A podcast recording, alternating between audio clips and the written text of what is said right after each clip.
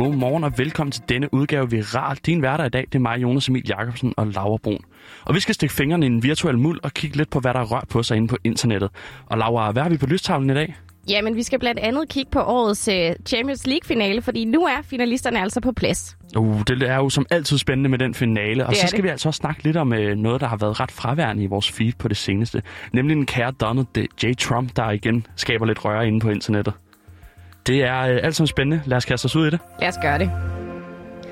Og Jonas, jeg synes, vi skal starte med at snakke lidt bold, fordi uh, det er jo det alt overskyggende hashtag i dag, der trender på Twitter her til morgen. Det er altså CLDK. Og det er jo selvfølgelig fordi, at der i går blev spillet den sidste semifinale, og nu er begge finalister på plads. Og inden vi lige går videre, så synes jeg lige, vi skal starte med at have lidt stemning her i studiet.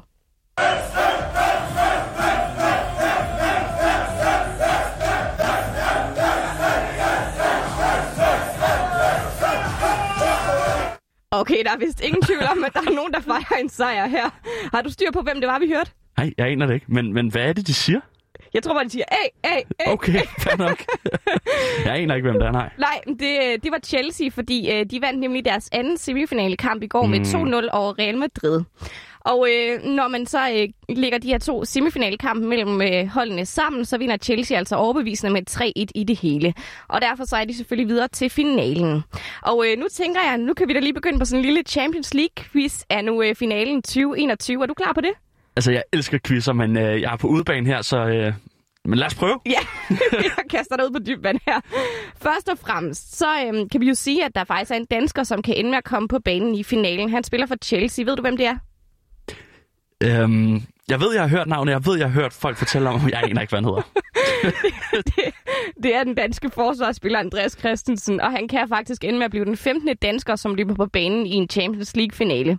Og øh, det kunne da være mega fedt, at vi lige kunne veje Dannebro lidt også her i finalen. Ja. Men øh, nok om danskerfeber, det kan vi jo snakke om længe, men i forgårs der blev det andet hold sikret sig, at- at de kunne komme i øh, årets finale. Hvem tror du, Chelsea skal møde?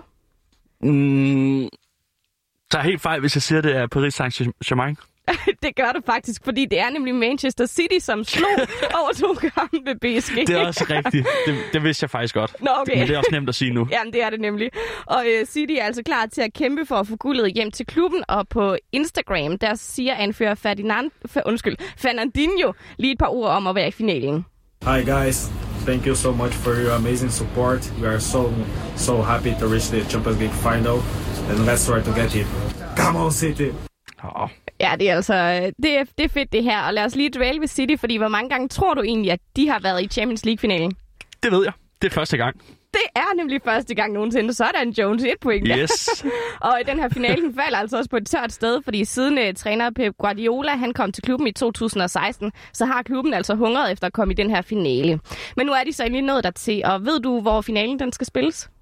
Nej, men er det ikke noget med, det er øh, sidste års vinder øh, hjemmebane eller sådan noget? Eller bliver det valgt på forhånd? Alt der, hvor det bliver valgt på forhånd? Ja, det mener jeg, det Okay, er. Ja, jeg ved nu ikke, hvor det er. kaste mig ud på dyb vand, fordi Okay, så meget super. forberedt mig. Jeg, jeg ved ikke, hvor det er nej. Nej, den skal i hvert fald spilles i Istanbul på Atatürk Olympic Stadium. Okay. Men øh, hvornår skal den spilles? Her kan jeg godt lige hjælpe med at sige, at det er en gang i maj. Slut mig. Slut maj, ja. det er det nærmeste, jeg kommer det. Det er nemlig sidste lørdag i maj, altså den 29. hvor vi alle sammen skal sidde klar med øl foran skærmene. Og øh, på stadionet her i Istanbul, der kan der være op mod øh, 75.000 tilskuere på lægterne. Men hvor mange tror du egentlig, der bliver lukket ind til den her finale? Det, det synes jeg er svært at skyde på. Men altså, øhm, herhjemme har vi jo lovet omkring øh, 16.000 øh, til EM der i løbet af sommeren, så øhm, 15.000? Ja, Jamen, det er en lidt tricky en, den her, fordi i første omgang, så var det egentlig planen fra UEFA's side, at man ville lukke 9.000 tilskuere ind, og billetterne her, de skulle så fordeles lige lidt mellem fans til de to engelske hold. Men nu er der så kommet spekulationer om, om man alligevel skal lade flere komme ind på tribunerne. I hvert fald så skriver The Times, at UEFA de overvejer at lukke 25.000 ind og se den her kamp.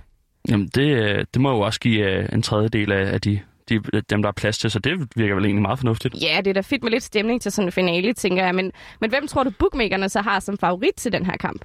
Øhm, nu skal jeg lige genopfriske, kom så, hvem var det øh, ud over City? jeg Det var Chelsea. City. Jeg tænker, det er City, der er, er kæmpe favorit. Det er det også. Øhm, bookmakerne de er ret sikre på, at det er City, der kommer til at hive sejren hjem. Og jeg tjekkede lige de seneste odds, inden vi gik ind i studiet her. Og her får man altså 91 igen, hvis man tror på en City-sejr. Så får man 3,75 igen, hvis man smider pengene på en Chelsea-sejr. Og man får jo faktisk det samme igen, hvis man tror, at kampen den ender uafgjort. Mm. Skal du øh, odds på den? Altså med den uvidenhed, jeg lige har demonstreret her, så tænker jeg, at jeg holder mig langt væk fra det. Det vil være meget uansvarligt.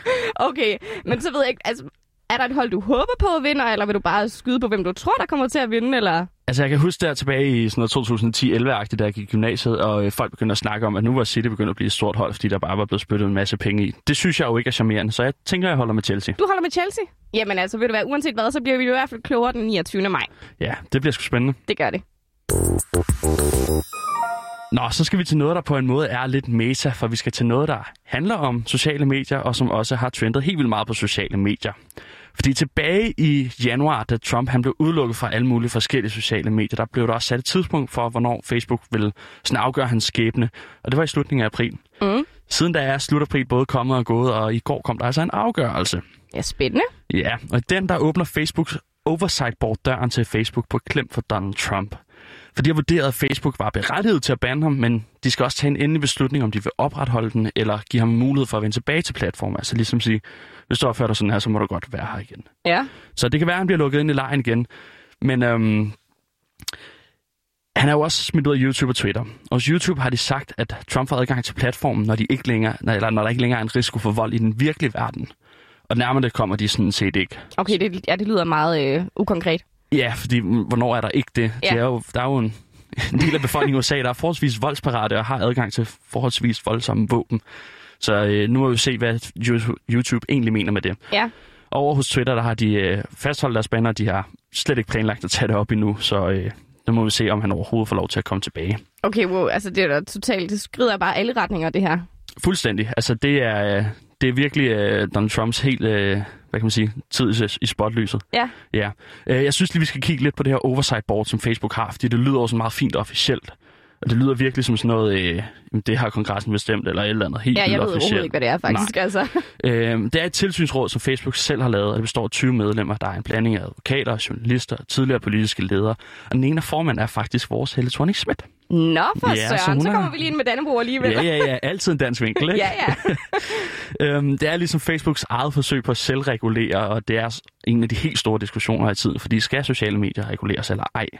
Så det er også meget spændende med den her beslutning, for hvis rådet rent faktisk kan ligesom sige, det er sådan her, I skal gøre Facebook, og, øh, og Facebook så også følger det, og det viser sig at være fair og, og retfærdigt og alt muligt, så kan det jo faktisk godt være, at den her slags oversight sport bliver en meget stor del af tech-verdenen. ja, og kan det så ind med også, at man måske siger, okay, hvis Donald Trump han bliver udelukket fra det, så kan det også være, at vi vil udelukke nogle andre, eller? Det er jo nemlig også det, for det kan jo danne præcedens, så det kan ligesom den grundlag for, at man i fremtiden også kan udelukke andre øh, valgte politikere, og så er vi jo ude sådan demokratisk og øh, ytringsfrihedsmæssigt spørgsmål. Ja, det Så det er spændende. altså meget stort, samtidig med, at det også bare handler om en bims person, der har gjort noget bims på, på et bims sted. Så ja.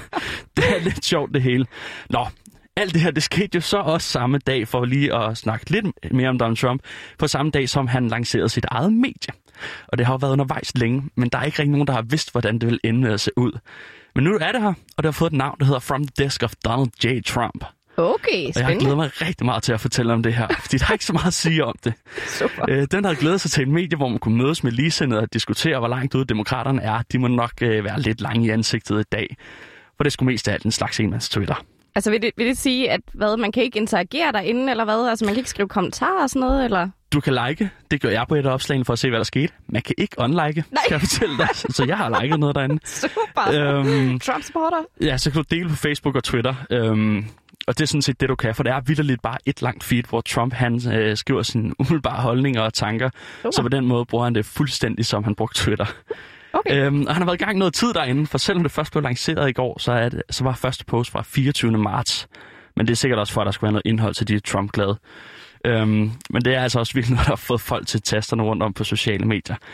Jeg synes lige, vi skal kigge lidt på, hvad der sker derinde. Fordi han har for eksempel skrevet den 2. april.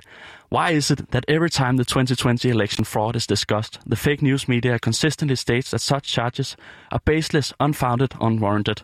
Sadly, there was massive fraud in the 2020 presidential election, and many very angry people understand that.